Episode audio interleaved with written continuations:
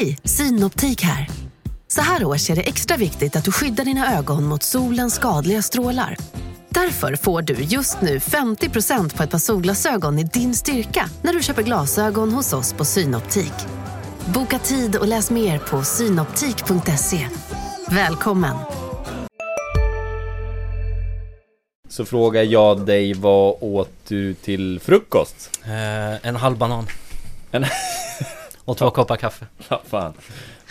Det där står det inte på. Jo. Va? Ja. Alltså den... Det är ingen träningsdag? Nej, alltså den dagen jag slutar med fotboll kommer jag inte äta frukost längre. Är det sant? Nej. Vad är, vad, vad är det här? Den är, jag vaknar inte hungrig liksom. Du är ju som en 16-åring. Ja, Ja. ungefär. Eh, De kan skriva mina citat innan jag ens säger dem. Så att, eh, där har vi en dialog. Vi, vi, vi har ambitionen att det ska vara klart eh, ganska snart. Kommer man att se en mycket spännande fortsatt utveckling.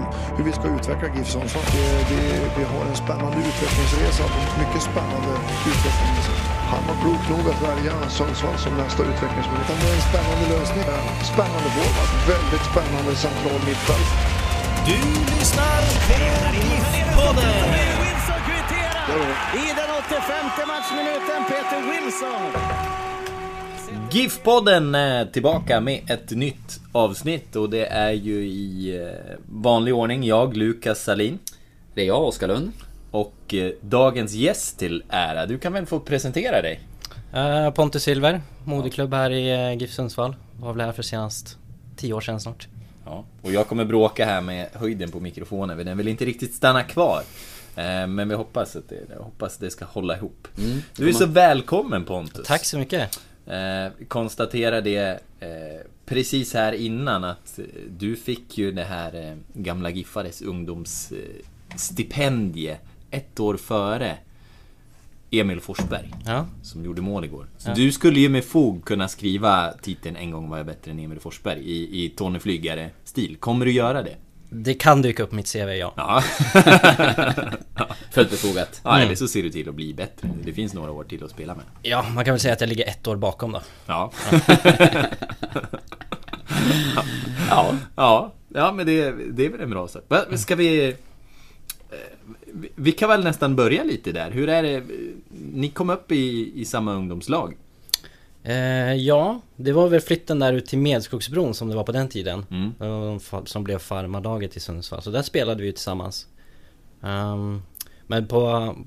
När vi var där ute så var ju inte Emil någon startspelare liksom. Nej. Han, eh, det var ju den tiden då han eh, försökte välja mellan innebandy och fotbollen. Och så...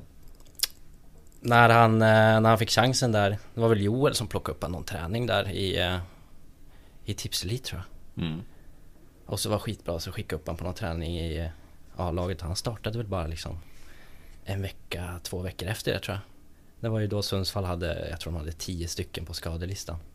Så han eh, hade lite tur och fick chansen där men fan så han tog den. Det gick fort. Ja, ja det är, man har ju följt Emil på, på avstånd då. Och det är en jävla häftig resa han har gjort alltså. Mm. Uh, mäkta imponerande. Mm. Ehm, ja, det har ju... För, för känslan på den tiden, det var ju mer att... eh, Det var mycket, det var Pontus Silver man pratade om när man pratade om 91-erna. Ja, när det var, när det var sjumannatiden och början på elva, elva manna där, då var ju Emil också superduktig. Mm. Eh, Men sen där eh, 14, 15, 16, 17 då det var Medelpadslaget och det här, då var det Då var det väl nog jag som var det stora namnet kanske tillsammans med Pontus Engblom då. Ja. Ehm, Men så går det. Fotboll Ja. upp och ner vet du. Eh, Som sagt, sen fick ju Emil chansen och han tog det onekligen. Men fan, du har gjort det bra också, Ja. ska vi säga. Ja, jag är superstolt själv över, över min egen resa. Det har, det har varit en eh, lång omväg så att säga och man sett eh, flera duktiga fotbollsspelare falla av på vägen. Mm. Eh, så jag har hållit i och tagit mig en bra bit hittills så att det är superkul. Och den resan ska vi snacka Ja, vi om, för det är ju superintressant, tycker vi. Ja, abs- absolut. Verkligen. Ja. Och, eh, och nu alltså i Mjöndalen i norska. Mjöndalen, norska ligan. Man säger inte tippeligan längre. Det heter inte så? Elitserien. Elitserien. Ja. ja. Jag har svårt med det också. Det kommer alltid vara tippeligan för mig. Alltså. Det, det, det blir fel. Ja. Ja. men hur, eh, hur trivs du där? Eh, Jag trivs superbra. Det är en, eh, en liten klubb som är väldigt familjär och eh, bra supportrar. Det är, alltså, det är en liten by med, jag tror det är 8000 invånare eller något sånt där. Och liksom 3-4 tusen på, på matcherna. Så det är liksom halva, halva stan som är på varje match. Ja, det är lite, vad, vad kan man dra för paralleller? Typ Edsbyn? Bollnäs? Eller? Ja men det är typ som att eh, Aln IF skulle vara i högsta ligan. Ja. Det är ja, väl ungefär det- jämförbart. Det är bra. Vi Ja. får se om det blir. Du, Ja. du får- rätta mig om jag har fel nu, men visst har det gjorts en dokumentär om klubben? Jag har för mig att jag har sett en eh, Ja. miniserie om eh, Mjölndalen. Jag tror att det var 2015 eller 16 eh, Året innan jag kom Då gjorde de ju en, eh, en dokumentär där och den blev ju superstor Eh, Och jag har sett den själv, den blev väldigt bra också Så det är ju många som eh, har blivit så här lite halvkända efter det Tränaren är ju Ja, det var en profil, det kommer jag ihåg Ja, från den där Och det är samma, det är samma Ja, tränare. han har varit där i 15 år eller någonting sånt där så att det Vegard Hansen, Ja, eller? ja. så det är en spelare som har slutat som heter Mats Hansen. Han kör ju liksom eh, full on influencer nu. Släppte, släppte en låt i somras som liksom blev eh, alltså mest streamad i hela Norge. Och så har de ju eh, lagkaptenen var Christian Gerset. Han jobbar ju liksom på TV på sidan av och är liksom expert. Så att eh, det är några stycken som har fått sina genombrott på sidan av fotbollen genom den dokumentären. Så det är lite coolt. Starkt. Har Ja. du något, vad, kan du åstadkomma vid sidan av här tror du? Ja, du ska jag, spinna vidare på din mjöl, Mjöndalen... ja, jag blir nog ingen influencer i alla fall. Nej men eh, jag har försökt sysselsatt mig mycket på sidan av eh, Du har ju haft många frisyrer tänker jag. Ja, det har jag. Vi får se om man kan göra någonting av det. Om man kan göra karriär, jag vet inte. Men vad har du gjort då utanför, Ja, eh, förlåt. utanför fotbollen mer? Eh, nej, jag har ju kört uh, fulltös egentligen hela tiden. Eh, när jag var i Hudik så jobbade jag på bank ett tag. När jag var i Frej så jobbade jag PR och marknadsföring i fyra år. Eh, när jag var i Mjöndalen förra gången, jag är där andra gången nu, så jobbade jag på marknad med försäljning. Och så nu när jag var i Halmstad senast så hjälpte jag till med ungdomskuppen där som de har. Laxakuppen heter den. Och blev den största kuppen eh, någonsin faktiskt, så jag tar åt mig äran för det. Har det här varit liksom ett eget driv att jag vill göra någonting eller har det varit något som har kommit från klubbarna så eller? Nej, det är, det är jag som har tagit tag i det mest. Eh, Jag tycker det är kul att stimuleras lite, lite grann än bara sparka bollen. Så att det, det, det är kul och jag tror att det är bra att bygga lite CV på, på sidan av fotbollen. Man kan ju inte spela hur länge som helst. Nej. Tror du att eh, liksom... Har, du- har du alltid haft det synsättet eller har det liksom kommit med tiden att jag, jag behöver göra något vid, vid sidan om? Mm, nej, det har väl varit så i, i Hudik. Då fanns det väl inte så mycket annat att välja på. Det var ingen eh, fulltidsfotbollslön där. nej. Eh, och så sen eh, när jag var i Frej i Stockholm så dök det upp en chans när min eh, bror som jobbade där öppnade egen byrå. Mm. Eh, och fick jobba, jobba där lite grann i, i fyra år. Eh, och fick otroligt mycket erfarenhet från det. Eh, så jag tycker att det är roligt att aktivera hjärnan på sidan av. Så att det, det har blivit någonting som jag har strävat efter, efter det då. Eh, jag, jag tänkte, jag vill inte försvinna från, eh, från Mjöndalen riktigt. Nej. Det ligger också ganska nära Sandefjord va? Ja, stämmer det. Det är väl Vad- en timmes bilfärd eller något sånt. Ja. Har du liksom hängt ihop, hållit kontakten med Pontus Engblom, en annan 91 som... Ja, nej, jag har inte träffat han nu Nej. så jag kom dit. Men jag träffade honom, han var ju i Strömsgodset. Mm. Och det är ju Mjöndalens största rivalen. Det är ju, det är ju hett, hett derby där, så jag träffade han förra gången jag var där. Ja. Känsligt då? Eh, Om ni hade setts på stan över en fika? Ja, nej men det var, det var faktiskt, vi eh, möttes i en, eh, en intervju där eh, före matchen. Eh, Så det var, det var speciellt. Eh, Och kul att träffa honom och samma som Emil, jävligt kul att följa honom på, på avstånd också. Du, dokumentären bara, jag fastnade lite i den. Finns den kvar att se?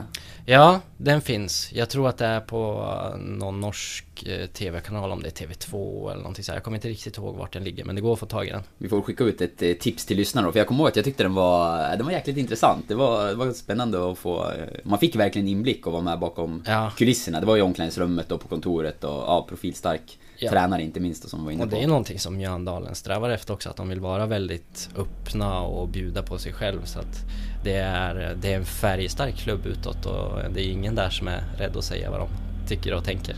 Nej, Nej de skulle kanske då ha varit med och filma under slutet av den här säsongen för det var sjukt dramatiskt ja. i slutomgångarna. Ni klarade er på ett mål från kval va? Ja, ett, eh, ett, eh, ett mål där. Det var, det var jävligt häftigt och vi stod ju sista Vi var ju helt, eh, helt säkra nästan på att om vi vinner så klarar vi oss. Det fanns ju en liten chans att vi skulle åka ner på kvalet om, även om vi vann. Men det var störst chans att vi skulle klara oss om vi vann matchen. Så först, det första som hände egentligen när domaren blåser, det är att vi jublar och så sen får vi liksom roa ner oss lite grann för det är en match som inte är slut och blir det ett mål där så ja. åker vi ner liksom. Så att det, det var häftigt och väldigt speciellt så stod man där på mittplan och, och väntade på beskedet och så sen var det ju bara vild glädje liksom. Ja, det var häftigt. Ja, jag får lite såhär 99-vibbar, då ja. var ju GIF Sundsvall, ja det var inte samma läge, då skulle man ta sig upp. Ja. Men det var också stå och vänta och då var det väl att lyssna på någon gammal radio, eh, antar jag. Ja. Eh, för att få reda på resultatet i, i andra matcher. Men det var väl lite så också, mitt sista år där när vi gick upp till Allsvenskan, då förlorade vi ju borta mot Jönköping. Jönköping, precis, stämmer. Och då, då var det väl också något resultat mm. som gick vägen som eh, gjorde att vi gick upp då. Ja, det är häftigt det där, man, eh, man hittar inte sådana scenarion på många andra ställen än i idrotten. Så att det är kul att man får vara med om.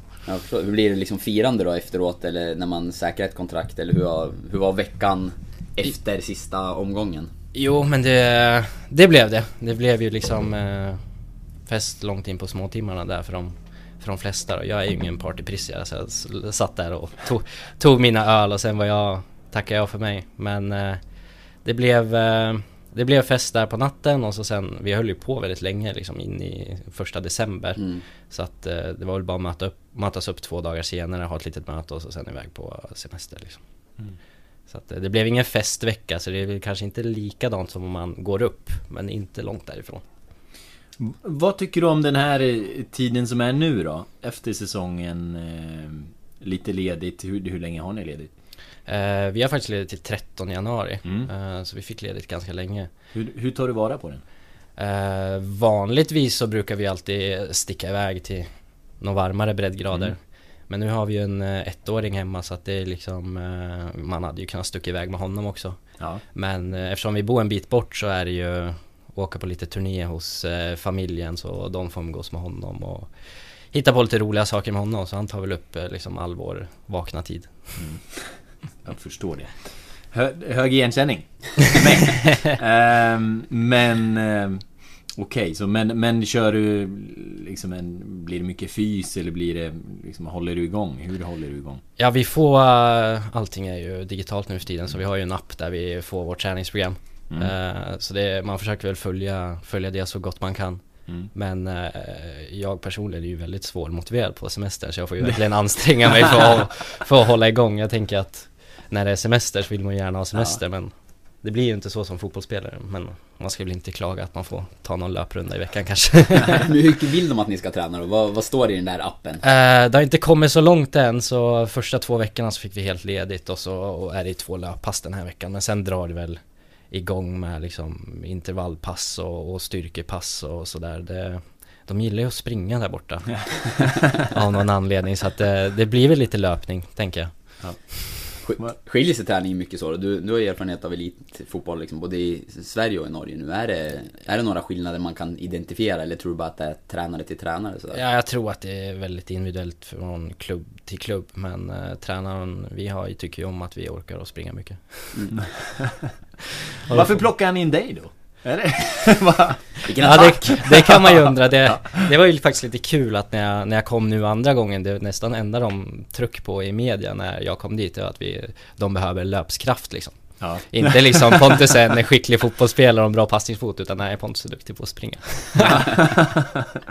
Men jag läste också när, när du kom till Halmstad då tryckte de också på Dels eh, som du sa Passningsfoten och, och ja. tekniken och så här, Men också långa inkast Som jag aldrig gjorde ja. i Halmstad Nej. Nej. Ja, det, var, det, var, det var lite skumt att de eh, pushar för det, det är liksom Man hoppas ju att det är andra kvaliteter som ska tala för det ja. Man får ta det man får, tänker jag Ja, men eh, vi, vi, vi, tänkte ju vandra igenom din, eh, din karriär lite, lite kronologiskt. Vi, vi ja. kanske landar både i liksom Halmstad och Mjöndalen och eh, ja, allt och möjligt. Ja. ja. Vi kan börja Giffarna På vägen, men jag tycker att vi börjar i i Giffarna. Ja. Eh, och vi har väl sagt ungefär tillräckligt mycket om, om pojktiden sådär. Men, men seniortiden där, när du, när du kom upp i A-laget. Hur, hur upplevde du och ser tillbaka på den tiden? Eh, första året fick jag ju egentligen en ganska, ganska bra start. Jag fick ju lagom för en 18-åring kan jag tycka. Jag spelade väl en 20 eh, matcher, två från start men fick speltid de flesta matcherna. Mm. Eh, så första året där var ju, var ju väldigt bra. Sen hade man ju hoppats att man kunde ta ett steg till nästa år men då blev det ju lite blandning där mellan eh, bänken och läktaren. Mm. Eh, och fick väl spela en, sju matcher eller något sånt där och 10-15 minuter så du, du får släppa in oss här också i eh, Tränare, var det Sören Åkerby som, ja, som hade då? det var Sören mm. Åkerby um... Och positionerna du mest opererade på? Uh, jag var yttermittfältare då mm. uh, Jag var väl uh, tänkt som innermittfältare i grunden där och fick spela där några gånger under cupmatcher och sådär Så det var väl där jag var mest hemma då också Men var väl kanske liten och, och då enligt, mm. enligt Sören så att Eh, nej men eh, andra året där, det var, det var tufft. Det ska jag erkänna. Man var ung, man tyckte man var bäst själv och förstod inte riktigt varför man inte fick spela. Så att, eh, nej, det var ett tufft år som jag hade kunnat kunnat gjort någon annanstans tror jag, så på efterhand. Mm. Hur, hur, hanterade du det då? För du kom upp som väldigt, eh, ja men som du sa från ungdomsåren, eh, många som trodde mycket på dig och ja. lovande spelare sådär. Och så ett bra första år. Ja, ja precis. Nej men det, det är tufft när man är 18-19 och i den åldern och man tycker väl kanske själv att man är lite, lite bättre än vad man är. Det tyckte jag i alla fall. Jag var ganska självgod. Och sen är det lite, lite jobbigt också, lite tufft att se någon annan i samma ålder, Emil då springa liksom rakt in i startelvan och göra det jäkligt bra. Uh, när man kanske åren innan där var det stora namnet. Uh, så det, det, var, det var tufft och det var liksom de första åren där så var det ju svårt att liksom glädjas med Emil för då var det liksom fan det ska ju vara jag liksom. Mm. Uh, men det släpper ju när man växer till sig och mognar till sig lite där grann och nu är det ju bara kul att se honom där borta och man undrar honom all framgång han kan få. Men där då i, i stunden, hur kanaliserar du den, eh, den känslan? Vad, vad gjorde du med den? Kunde du använda den konstruktivt eller blev Nå, det inte så? Nej, egentligen inte. Eh, jag var nog ganska, ganska frustrerad och ganska arg i den åldern skulle jag säga. Men jag var på träning och, och gjorde mitt bästa och jag tyckte att jag gjorde bra ifrån mig och ville ju att jag skulle få mer speltid såklart. Eh, men sen gjorde jag ju ett misstag där på sommaren för jag var ju och provtränade med Sirius där på sommaren. Mm. Och spelade mot Leicester faktiskt. bra ja. träningsmatch. Ja, så det var, det var ju häftigt att man fick uh, möta dem och gjorde det bra där. Och jag hade faktiskt chansen att gå till Sirius i division 1 där på sommaren. Men uh, klarade väl inte riktigt av att släppa moderklubben där. Var det inte också så, när jag minns tillbaka, att du hade fått lite indikationer också på, från klubben från Sundsvall att de gärna ville att du skulle vara kvar. Ja, så var det. Det var ju Kane Dotson som var sportchef på den tiden. Eh, och efter Sirius, efter jag hade varit på provspel där så satt jag ju ner med Kane och jag tror min farsa var med också. Och då sa de att vi kommer inte stoppa dig om du vill gå, men vi vill jättegärna ha dig kvar. Eh, och då var jag ju som sagt inte tillräckligt stark för det är hemstaden, det är moderklubben och det är tufft att ta den, det beslutet där när man är så pass ung. Att lämna och så tänkte man att liksom Vi är på väg upp i Allsvenskan, ska jag ner till division 1? Vad är det för skitserie liksom? Uh, så det var väldigt länge som jag faktiskt var lite Jag ska inte säga arg men Jag skyllde väl kanske det valet lite grann på Sundsvall uh, Och tyckte väl att de inte hade behövt sagt de orden att vi gärna vill ha det kvar och så sen eh, uh, kasta mig ut eh, fem månader senare. Men eh, det var väl efter det jag bestämde liksom att så länge jag kan göra en flytt som är i rätt riktning för mig så ska jag ta den. Eh, och det är väl det som har präglat eh, min resa efter det. Um, så att, ja, det är väl historien om Sundsvall. Och, vad, vad, skulle du liksom ge för råd andra ungdomar som hamnar i den här situationen? Jag menar, mm. vi har sett otal exempel på det i Giffarna. Mm.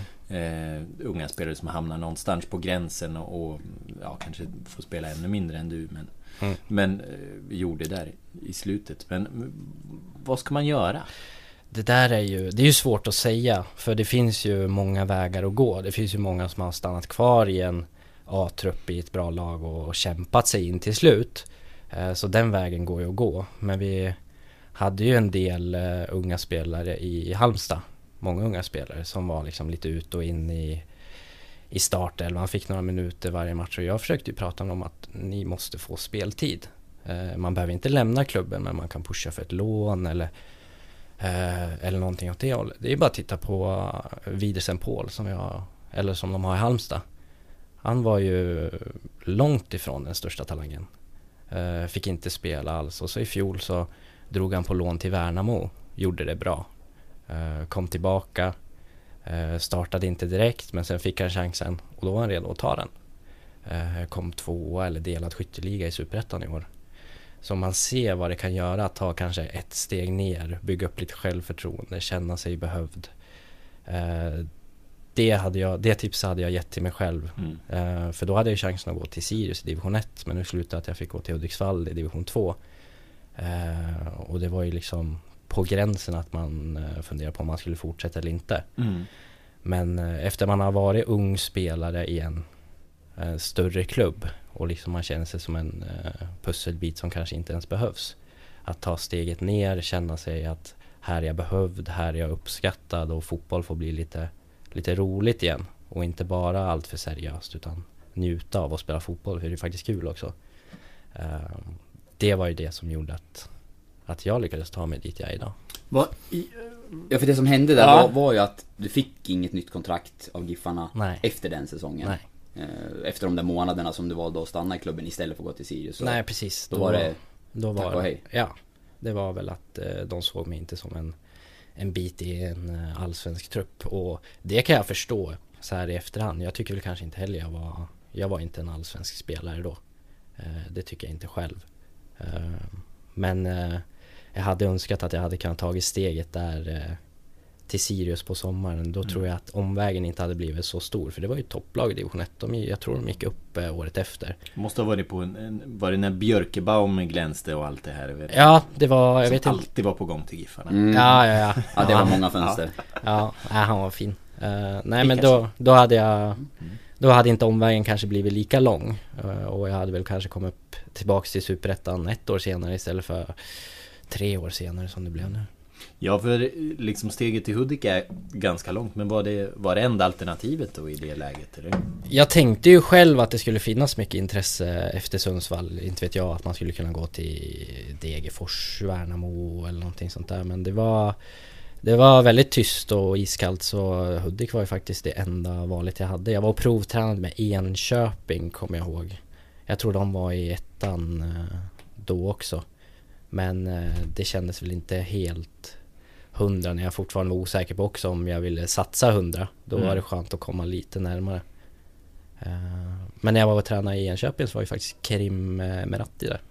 Ah, Det är där. spännande. Ja. Så jag har gjort några träningar med han också Det ska jag också ha på CVt Ja. Ja, absolut. Han är ju faktiskt eh, också gått en snirklig resa Mm. ändå. Ja Eh, Upp till dit, dit han är nu. Mm. Otroligt läcker i, i Allsvenskan. Ja, Men alltså... Nej men och där, hur, mår man då? Du som har varit så mycket fotbollsidentitet dessutom. Hur är det att vara där liksom på, eh, på gränsen? Och man, man balanserar mellan, ska, ska jag fortsätta? Liksom? Ja, nej men i, i. Sundsvall eh, året där, då var det tufft Men sen så släppte kanske lite grann den här proffsdrömmen som man hade Alltså 18-19, jag ska ju först upp till Allsvenskan, ska jag göra skitbra där, sen ska jag ut i någon större klubb i Europa När man släpper det lite grann och spelar fotboll för att det, det är kul Jag tror att man behöver det eh, när man kanske inte helt lyckades där man var från starten Så när jag gick till Hudik då hade jag ju liksom egentligen inga mål eller att ta mig vidare så, utan jag spelade för att det var kul och trivdes väldigt bra där. Eh, och sen gjorde jag ju det bra och så fanns det ett steg i rätt riktning och varför inte liksom. Men, mm. men, du var väl också ganska dedikerad Hudik? Jag vet att du tidigare har sagt att du bosatte dig jättenära träningsplanen och ja. det var mycket gym och ja. du, du var seriös med fotbollen. Ja, även om du kanske inte hade den där nej, nej. drömmen på samma sätt. Nej precis, jag var ju väldigt seriös. Jag bodde ju liksom 200 meter därifrån och liksom var på gymmet varje förmiddag när alla andra var och jobbade och så tränade på, på eftermiddagen. Men det var ju också för att eh, man tyckte att det var jävligt kul. Eh, så det var mest därför man gjorde det, men det var inte att jag var liksom så här, nu jävlar ska jag komma tillbaka utan jag tyckte det var jävligt kul och då, då är det enkelt att hålla på. Uh, och jag tror att resultaten kommer därefter. Mm. Lusten, fick, lusten fick styra helt enkelt var den satsningen skulle gå. Ja precis och i Hudik var jag ju, där var jag ju stora stjärnan liksom. Det var mm. ju ingen snack om den saken och det är när man kommer från en miljö där man där laget hade kunnat vara utan en lika gärna och det inte hade spelat någon roll och så kommer man där man är liksom lagets stora stjärna. Det är ju det är väldigt trevligt. Mm. Vad betyder Sören Eriksson då? För han hade varit i Giffarnas verksamhet när du var där mm. och han tog över Hudik ja. och tog dit dig. Uh, ja, Sören var, har betytt mycket för mig. Uh, vet ju han är, han är ju väldigt god och glad och omtänksam och han tog hand om mig väldigt bra när jag var i Sundsvall och pushade mig. Jag hade ju han i U21-matchen och han sa ju alltid att liksom, ja men fortsätt jobba på, du gör det bra liksom, din chans kommer. Eh, och så sen när jag gick till Hudik, det var ju också en väldigt stor del till att jag gick dit. Eh, för att få vara nära honom och få arbeta med honom. Så jag, jag har slagit honom en signal genom åren och sagt eh, tack liksom och ofta lyft fram honom om det är någon som frågar om det är någon tränare som har betytt extra mycket för mig. Så att, eh, ja, jag tror jag har mycket att, att tacka honom. Och han kunde ta ner mig lite grann på jorden när jag svävade iväg också. hur, hur, kunde det arta sig då? Jag kommer ihåg att eh, det var en match vi spelade hemma. Eh, kommer inte ihåg vilka vi mötte, men vi spelade hemma. Eh, och vi spelade extremt dåligt. Det var en av de sämsta fotbollsmatcherna jag har spelat. Vi var så dåliga. Vann med 2-1. Gick in i omklädningsrummet alla fyra och jag satt där och deppade liksom. Jag var sur för att vi spelade så dåligt. jag brydde mig inte om resultatet, jag ville spela bra fotboll. Uh, och då fick jag ju med en, eh, en känga av Sören där efteråt att så här, det här funkar inte för mig liksom. Det var ju bra. jag har förändrats mycket sen, uh, sen jag var ung. Jag var ganska hett temperament och jag tror inte många som kände mig då hade känt igen mig idag. Har du jobbat mm. med det på något speciellt sätt eller är det bara? Nej, det har, kommit, det har kommit naturligt. Idag är jag ganska ödmjuk och, och bara njuter av, av tillvaron. Och jublar efter segrar? Jag jublar efter segrar. Det har ju blivit så i Norge också att vi är Vi är långt ifrån det starkaste laget i, eh, i, i ligan där så att vi får ju kriga till oss många poäng och Det är roligt det och Som i, i spelartyp då? Är du samma typ av spelare eller har du förändrats där också? Uh, det jag har utvecklats mest den senaste åren det är ju väl uh, defensiven. Det mm. var ju en, ett verktyg som jag inte hade när jag var yngre. Utan då var jag väldigt nätt och vill gärna dribbla och utmana. Eh, men idag så är jag väl mer en, en passnings, eh, passningsspelare som tycker om att, jag tycker om att spela enkelt, jag tycker om att spela lagfotboll och jobbar hårt defensivt och tycker om att vinna boll. Mm. Du var ju liksom fruktansvärt sårande som futsalspelare. Ja. Nej, det också. Jag har, ja, om, jag, om, om jag får säga det. Ja, vi faktiskt spelade en futsalcup ihop med dig. Som vi vann och fick 400 spänn i var. Ja. Kaching. Vad gjorde ni med dem? FC Båtsman. Ja. Eh, Gick jag vet, det var väl bensin ungefär. Ja. Det var Silver som körde bilen. Ja, vi tog oss hem igen. Ja, det, det, var typ det. Jag trodde ni hade en rolig fest. Pizza till lunch. Nej, sånt, eh, sånt gjorde vi inte. Super eh, Seriösa. Ja, men, nej men fruktansvärd som, som fotbollsspelare. Håller det i sig? Eh, jag har inte spelat så mycket futsal men jag tycker ju det är väldigt roligt och jag gillar ju små ytor och, och play and go-spel så att eh, jag skulle väl nog kunna spela ganska bra futsal idag också. Ja, jag är inte lika bra. men, kan du brottas med det där? Eh, du, du gillar ju fin fotboll, eller passningsorienterad fotboll. Mm. Eh, du, vi pratade lite om, om Giffarnas spel tidigare, du och jag, och eh, att du uppskattar deras sätt att spela. Mm. Kan, du, eh, kan det vara jobbigt ibland att tvingas spela på ett visst sätt och som du säger och jobb, mm. kriga sig till poäng när man eh, egentligen vill ja, rulla bollen då? Ja, det, det kan ibland vara en utmaning. Men eh, idag så försöker man ju se också att eh, laget faktiskt är större än en själv och att laget gör framgångar är faktiskt, faktiskt viktigare när man börjar komma upp i åldern. Eh, men eh, att spela en eh, passningsinriktad fotboll, det är ju det jag helst vill och det jag helst njuter av. Så eh, det är matcher då vi spelar väldigt bra fotboll och då är det ju fantastiskt roligt. Eh, Men det är vissa matcher som man måste kriga. Vi kan inte, vi kan inte förvänta oss att vi ska rulla ut Rosenborg. Liksom. Väger du in sånt om du skulle hamna i ett läge där du ska ja, men välja en ny klubb? Till exempel gå till Halmstad från Mjölndalen. Funderar man mycket på vad spelar de för typ av fotboll? Ja, det gör man. Eh, Det är många saker som ska som spelar in. Nu har man familj så det ska vara det sociala som ska vara bra. Eh, ekonomi är inte helt oviktigt. Eh, och sen vill man ju såklart att det ska spelas bra fotboll också. Det är då det är, man vill ju ha roligt medan man jobbar. Så att, eh, det, det vägs absolut in. Mm. Det går Rimligt. att ha flera, flera tankar i, i huvudet samtidigt. Mm, Det gör ju kan det.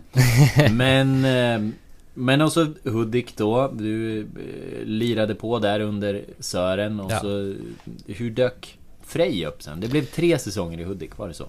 En säsong i Hudik. En? Bäste mittfältare i är division det 2 så- tror jag du så svarades för till va? Ja. Förlåt. Ja. Ja, jag fick nog, tror att det var Unibet eller Mm. sånt. Så det blev faktiskt division 2s bästa, bästa spelare. Just det. Spelare Samtidigt med. som... eh, Spelare ja. till och med. Ja. Först I mittfält. konkurrens med Ahmad Kreis va? Ja, jag tror han var Han på forward där. Ja, han blev nog Ja. bästa forward, eh, tror jag. Ja, så först tar de ut målvakt, back, mittfältare, forward och så sen en av dem som blir bäst då. Ja. Det här CVt börjar fyllas på. Ja, ja, ja faktiskt. visst. Ja. ja. Ja. men fint. Och Men då ringde telefonen. Eh, ja, eh, jag var först och provtränade med Frej efter säsongen där. Eh, och sen gick dit, helt enkelt. Intressant tränare där. Bartos. Mm. Han är ju i ropet nu också. Ja, Eh, för lite klubbar. Ja. Nämnt som aktuell för Kalmar bland annat tror jag. Kolla inte på mig nyligen. eh, Ja. efter svaret nu här. Nej men det har till och med surrat, eller liksom... Från AIK. Ja precis, och spekulerats lite i... eh, Eller han har nämnts av... Som en tränare som kanske skulle kunna vara något för Giffarna vet jag folk har tagit upp och sådär. Det blir det ju inte men... eh, eh, Ja, ett framtidsnamn inom... Absolut. Svensk fotboll tror jag som tränare va? ja. Skulle han förknippas med Sundsvall då tror jag vi ska jubla allihopa för ja. det, är, det är en fantastiskt skicklig tränare. Eh, nog den bästa jag haft skulle jag säga. Eh, och han har gjort en spännande resa där också. Han eh, gjorde det väldigt bra i Frej eh, de åren vi hade tillsammans där och eh, andra tränare i AIK. Bra på CV och bra erfarenhet men det vet jag att det inte är hans, det tror jag inte är hans mål i slutändan utan han vill han är nog sugen på en karriär där han får eh, klättra själv och vara första, första tränare så att eh, han är väl U21 nu va? Eh, Så jag tror att det hade varit väldigt spännande att se honom ta an ett lag i Allsvenskan för exempel. Det tror jag han kunde göra väldigt bra. Vad är det som gör honom så bra då? Nej men han, har, han är tydlig i hur han vill spela fotboll.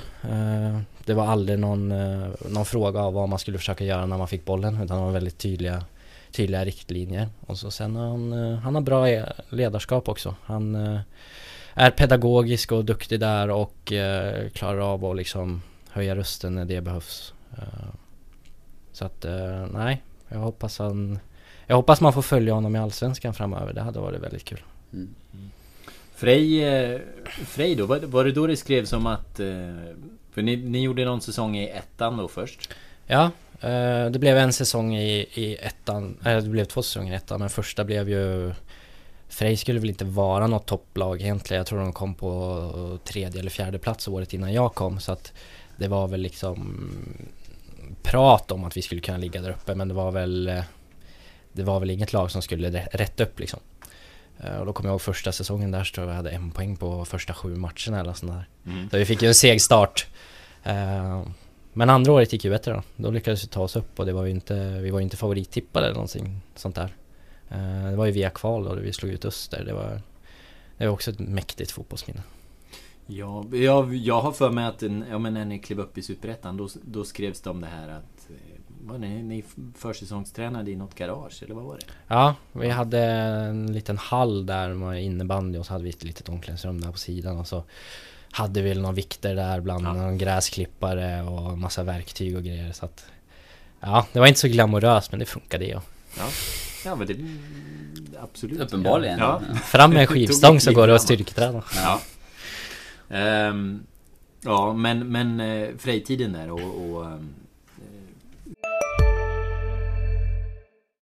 I de sekunderna när jag är i luften så är det en kamp på liv och död.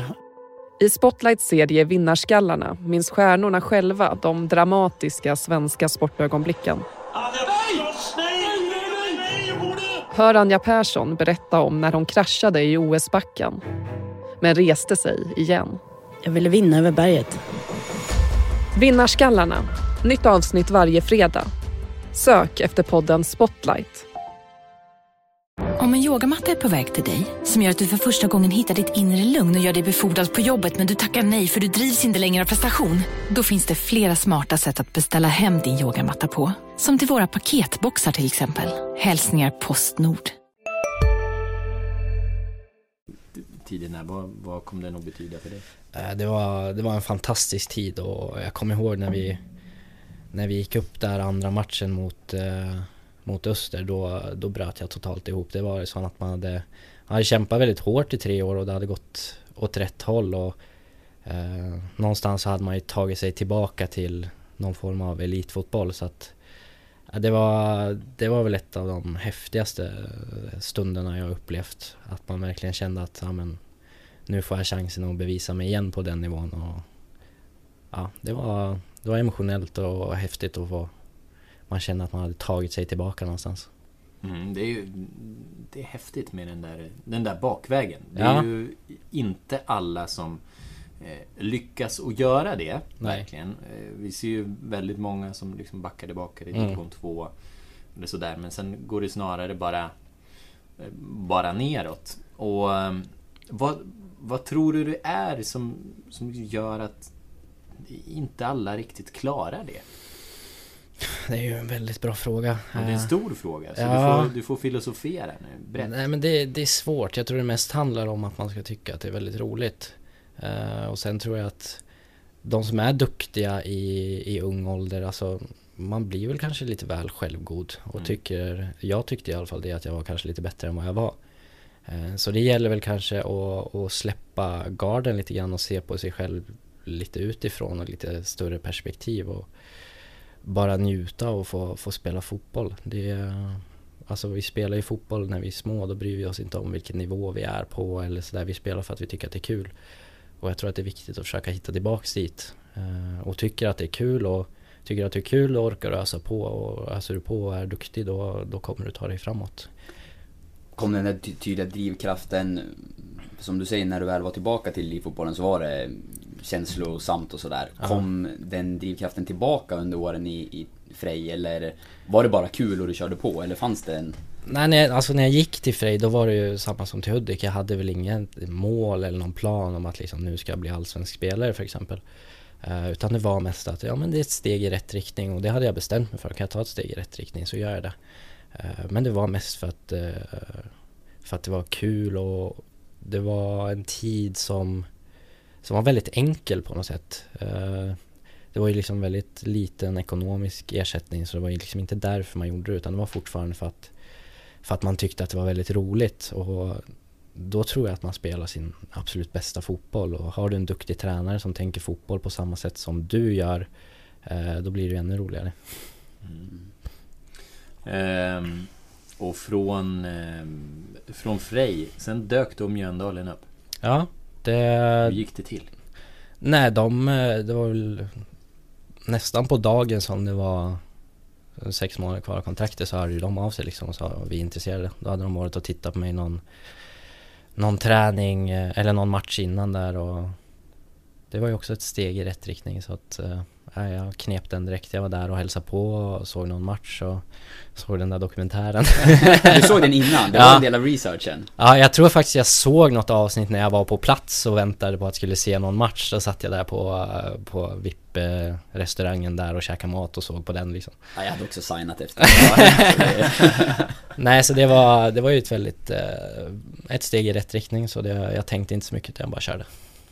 Hur var det då? Det, för det gick fort där. Du blev eh, uppskattad eh, väldigt snabbt känns det som utifrån. Ja, det var, det var ju väldigt speciellt. Jag kom ju dit och gjorde bra ifrån mig och blev lagkapten egentligen direkt. Eh, efter två, tre matcher under försäsongen så fick jag binden och så fick jag den när serien startade sen också. Så det var, ja, det var väldigt häftigt att få liksom vara lagkapten för ett lag när man kom in och är ny och de hade många äldre som hade varit där länge. Och, det ger ju en lite extra, lite extra självförtroende och Va? lite extra sug att liksom ge lite extra. Vad sa de till dig när, när de liksom när de gav dig binden, vad, vad fick du för förklaring? Eller hur, hur bestämdes det liksom?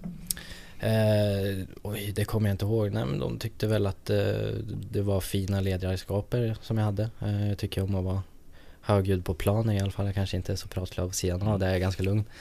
Eh, och sen eh, önskade de att ha en, eh, en frisk fläkt som ledare. Eh, och sen hade de ju många äldre där som utan problem hade kunnat tagit den binden och säkert var mer eh, ämnad för att ha den än vad jag var. Men det var ju spelare som eh, de visste axlar den ledarrollen oavsett. Mm. Eh, det hade jag också gjort men jag tror att den kanske betydde lite mer för mig än, än vad det gjorde för dem. Mm.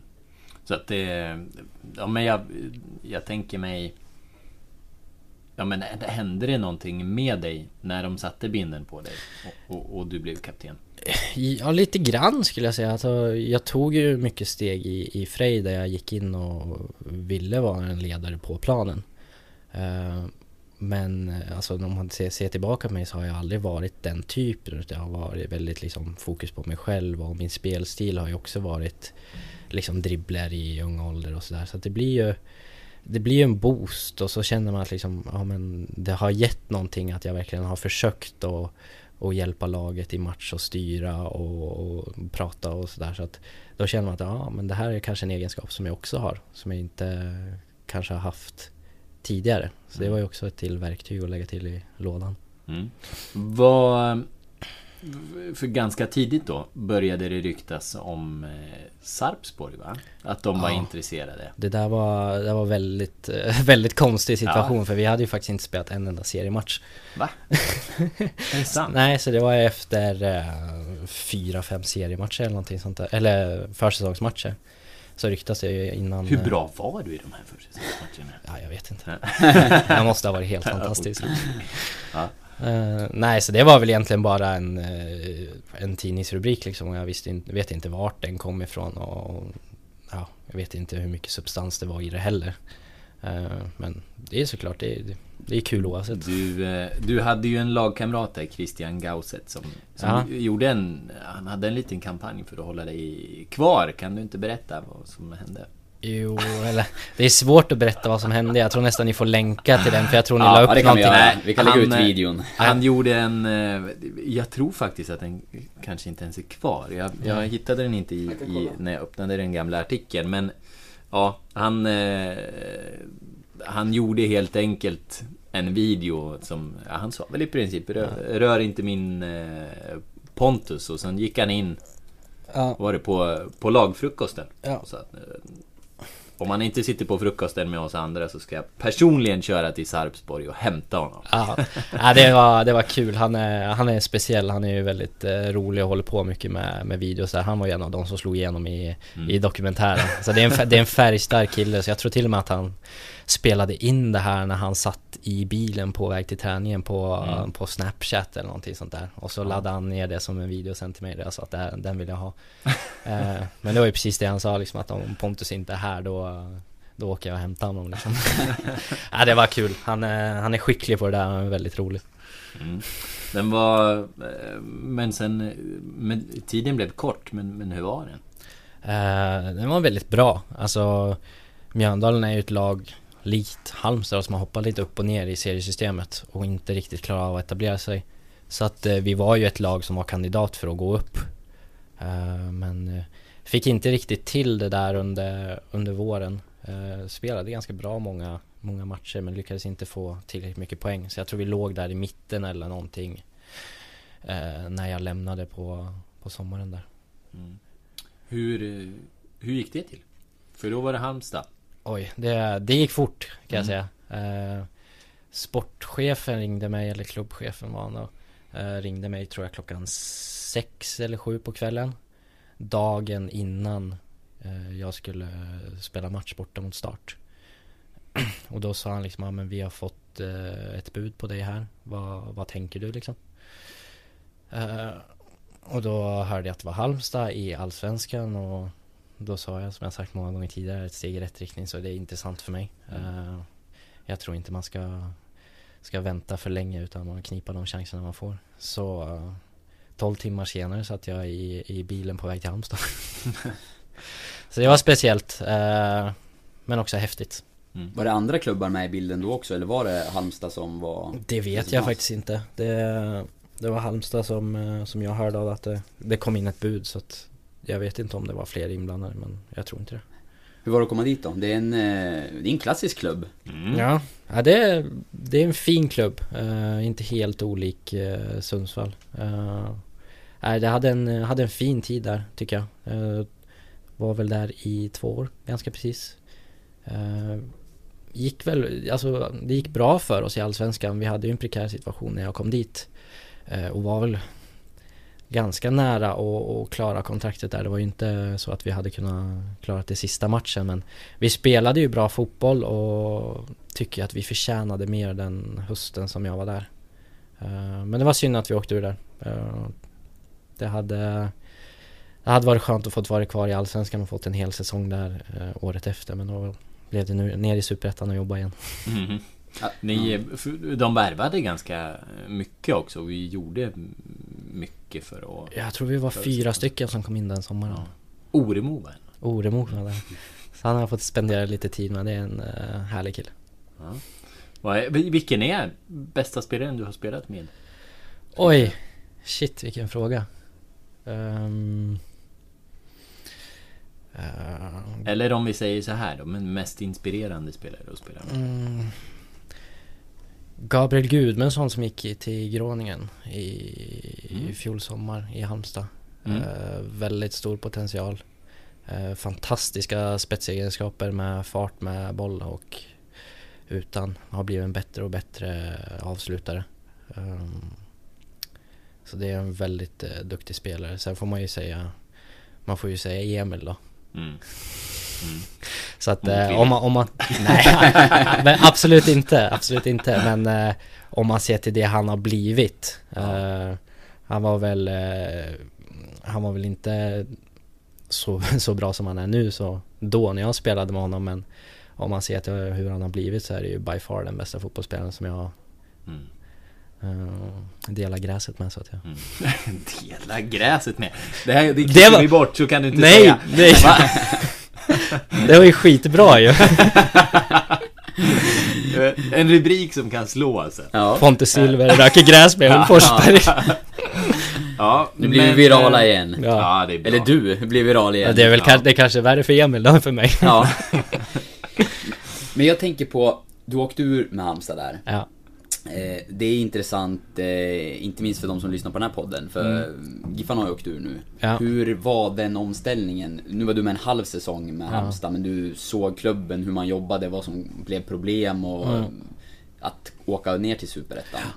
Eh, alltså många av oss, alltså, även fast vi åkte ur, var liksom ganska positiva för vi tänkte att ah, fan vi kommer få spela jävligt fin fotboll i, i Superettan. För jag kommer ihåg sista matchen som vi hade där, vi hade ju ingenting att spela för.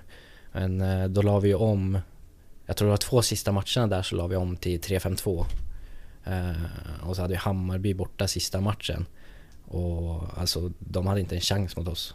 Eh, vi spelade ut dem totalt och vann med 3-1 på, på deras hemmaarena där. Så att vi var ju, hade ju väldigt stort hopp om att vi i alla fall skulle kunna få spela väldigt fin fotboll i Superettan. Och hade väl egentligen all press på oss att ta oss upp igen. Men eh, det blev väl inte riktigt så. Vi startade säsongen med 3-5-2 i Svenska Kuppen och, och, alla träningsmatcher och det såg väl ganska bra ut, gick bra. Men efter 5-6 omgångar så hade vi tagit, jag kommer inte ihåg, men alldeles för lite poäng och la väl om eh, till något annat.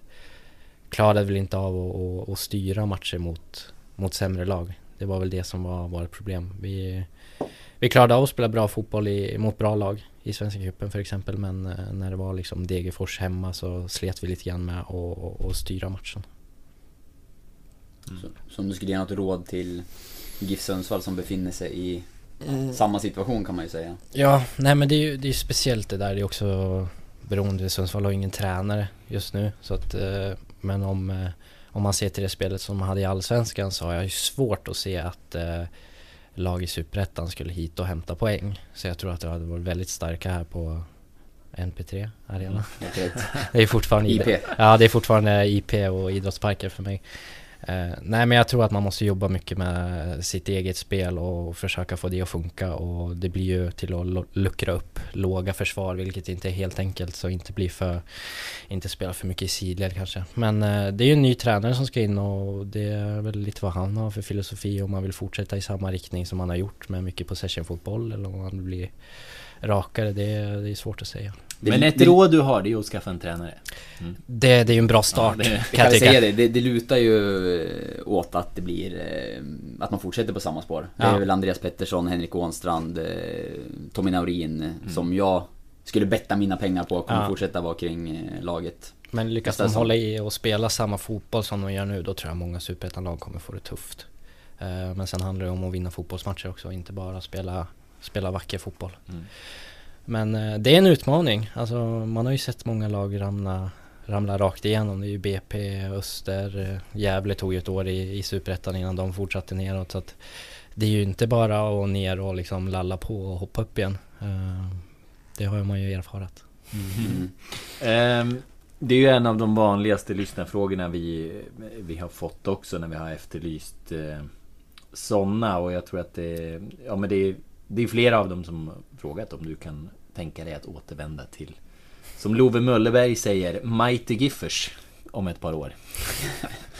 Eh, Nej men det har alltid Alltid varit en dröm för mig att, att få spela i, i Sundsvall igen. Och jag har väl alltid hoppats på att eh, de ska höra av sig. Allra helst när vi gick upp i Superettan med Frej och jag hade spelat väldigt bra. Och två år i Superettan, jag hade spelat väldigt bra där. Men eh, Det har ju varit tyst från, från Sundsvalls sida men Eh, mina dörrar är väl öppna i, i, i, framtiden. Nu är jag ju väldigt sugen på att få spela ett helt år i, i högsta ligan men det, man får se vad, vad framtiden utvisar. Det, det är ju en social aspekt med Sundsvall också om eh, man skulle komma hit någon dag. Vi har ju men, planer på att bo här i framtiden. Ja, mm. fint. Mm. Va, men eh, de har, de har aldrig hört av sig så? Nej, faktiskt inte. Jag har ju varit i kontakt med dig, jag har hört av mig. Ja. Eh, men eh, nu under eh, den här vintern också, eller hösten. Ja. Och, och hört att Giffarna, den här, det här transferfönstret har, har tittat noga på dig och, och är intresserade. Mm. Men nu är väl läget svårt åt andra hållet. Misstänker vi, med kontrakt och att ni håller kvar i, i högsta ligan. Ja, alltså det är ju, jag är ju väldigt sugen på att spela ett helt år i, i högsta ligan där för jag fick ju ett halvt år med Halmstad och ett halvt år med Mjölndal så nu är det ju första, första året jag ska få en hel säsong och, och få spela en högsta liga men som sagt det, det är många aspekter man måste, måste ta in. Jag har ju familj, ett barn, snart två och det, det är väl det som lockar med Sundsvall, det sociala och eh, man kanske kan börja och etablera sig på sidan av fotboll alternativt jobba eller studera på sidan av. Så att, eh, Sundsvall är absolut inte uteslutet även om jag har svårt att se att det ska bli, eh, bli i år. Mm. jo, eh, Lars Sjölund han var väl pressis på din tid? Det stämmer, det var ja. ett namn jag kände igen. Ja, han frågar om du eh, någon gång har tänkt dig hur väl hade du passat in i den tekniska och possession-baserade fotboll som Giffarna spelat de senaste åren? Ja, varje gång jag kollar. Ja. Nej, men eh, den, eh, den fotbollen som Sundsvall spelat senaste åren är ju helt i min smak och det är så jag, jag önskar att spela fotboll och han är väl lite avundsjuk på hur roligt det ser ut att ha det där ute.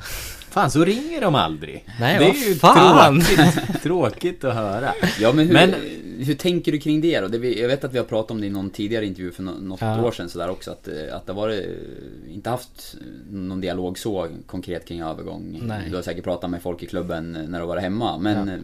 vad tänker du kring det? Att det inte har kommit något förslag eller att ni har haft sådana diskussioner? Nej, jag har väl egentligen eh, tänkt att jag har gjort mitt i Sundsvall och alltså de som har varit här och, och lyckas. Jag menar Emil, eh, Robert Lundström, Pontus Engblom, de kan väl bara säga egentligen att nu vill jag komma hem och så står Sundsvall med öppna dörrar. Men så har det inte riktigt känts för mig. För jag lyckades ju inte här och så är det väl eh, först för det var väl två år sedan jag spelade Allsvenskan för första gången och Sundsvall har varit uppe i Allsvenskan så att eh, Jag har ju inte varit riktigt på, på den nivån eh, Om man ser till vilken liga jag har spelat i och sådär så det är väl först i Först nu som eh, jag får spela elitserien på en hel säsong eh, Men det är klart efter säsongen i Halmstad där i, eller halvsäsongen i Halmstad i Allsvenskan så Då jag faktiskt gjorde det bra Eh, så hade det varit trevligt att ha fått ett samtal och sagt att vi ser att du gör bra grejer liksom. Mm. Det hade Då hade det kanske funnits möjligheter när jag lämnade Halmstad att kanske komma hit istället.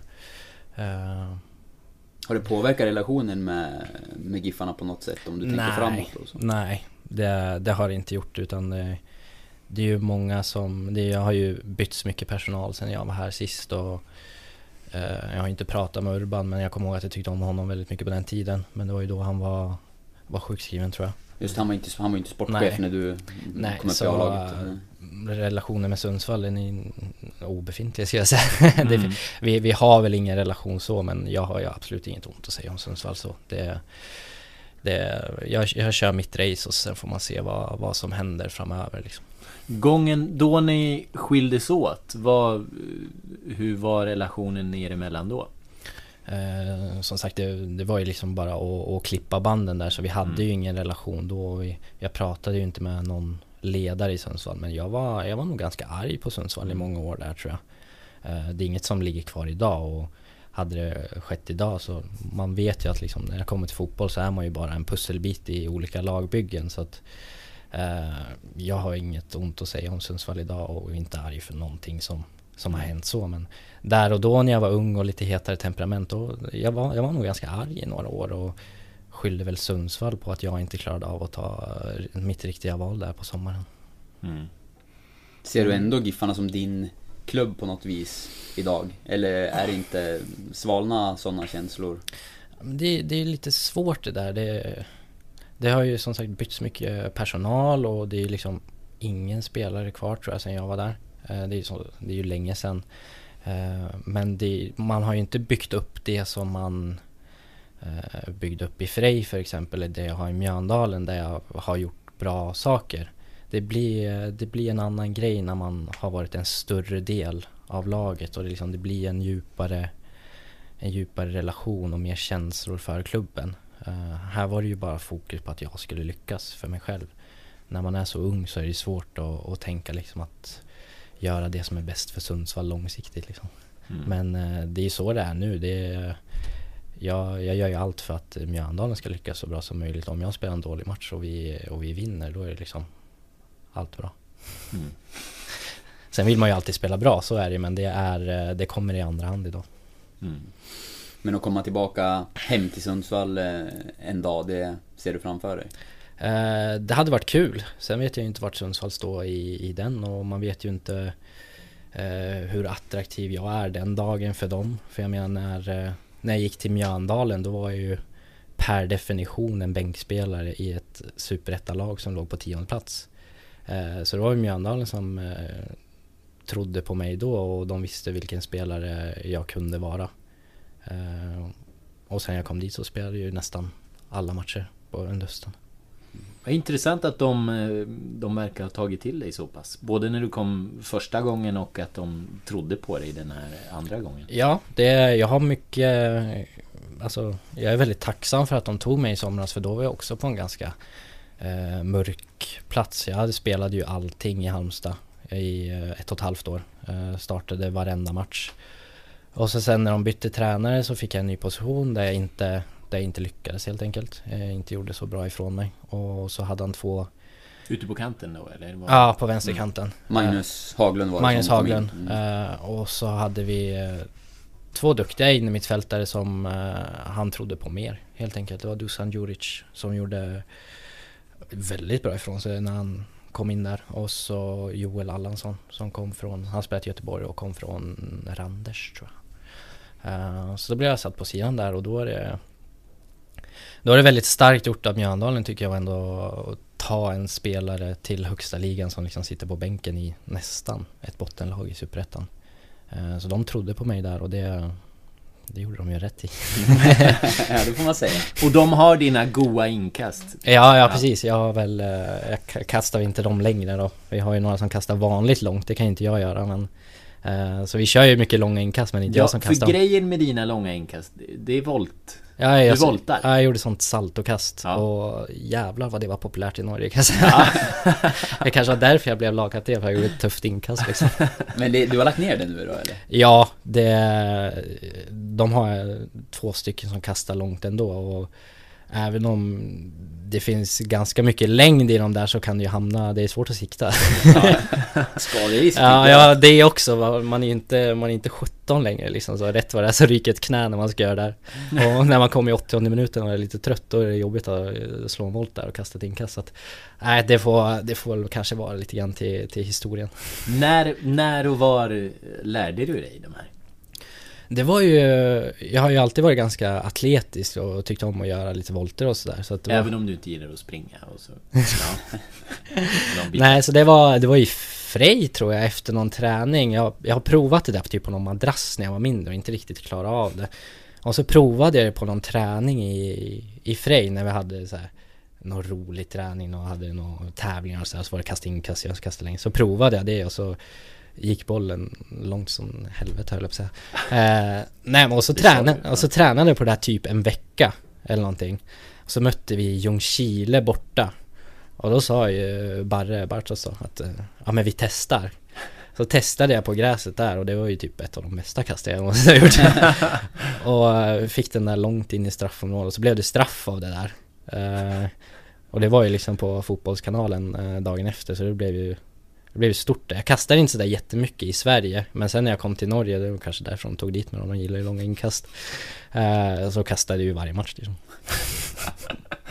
Men att, det, här gillar man och man gillar ju också att, att Barre eh, testa. Det Ja. hade ju inte liksom Nanne Bergstrand sagt, kan jag tänka mig. Peter Svärd hade ju aldrig sagt det. Nej alltså det, det var ju typ lite läskigt också för det, fan, tänk, man ska ändå stå på händer på en boll Tänk om du liksom tappar fästet och liksom eh, Ja, slår, sjukt. huvudet och knäcker Ja. nacken eller någonting sånt Ja. där framför lite publik och sådär så Ja. att det, det blir lite pinsamt att misslyckas också Har du gjort det? Har du misslyckats fullständigt i någon match? Att du ramlar Eh. liksom, tappar bollen?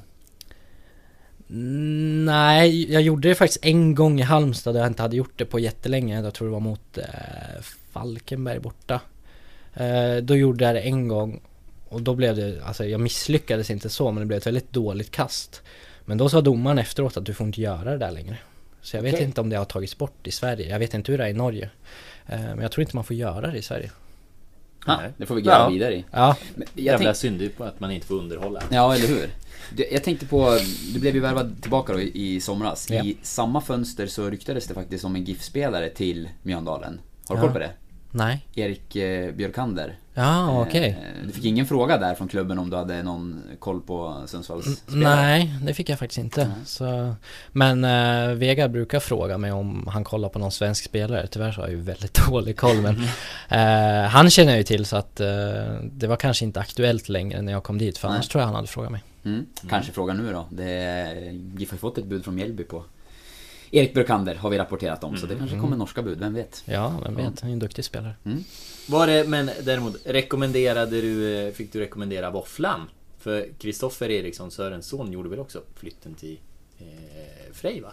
Eh, jag kommer inte ihåg hur, hur den övergången gick till men jag tror faktiskt inte jag hade så mycket med det att göra. Jag tror de frågade om eh, våfflan och jag gav min bild och så sen men det var inte att eh, de frågade mer som mig som referens och Ja. hur han var som spelare och sådär. Jag har faktiskt glömt bort att han var där. Ja, ja det så bra intryck gjorde våfflan. eh, nej. Ja men nej, inga andra svenska spelare på väg in nu då som du har blivit rådfrågad om och... Nej, inte Nej. vad jag vet men eh, jag vet att de tittar mycket på, mycket på Sverige. Mm. Mm. Jag tror att vi ska börja runda av.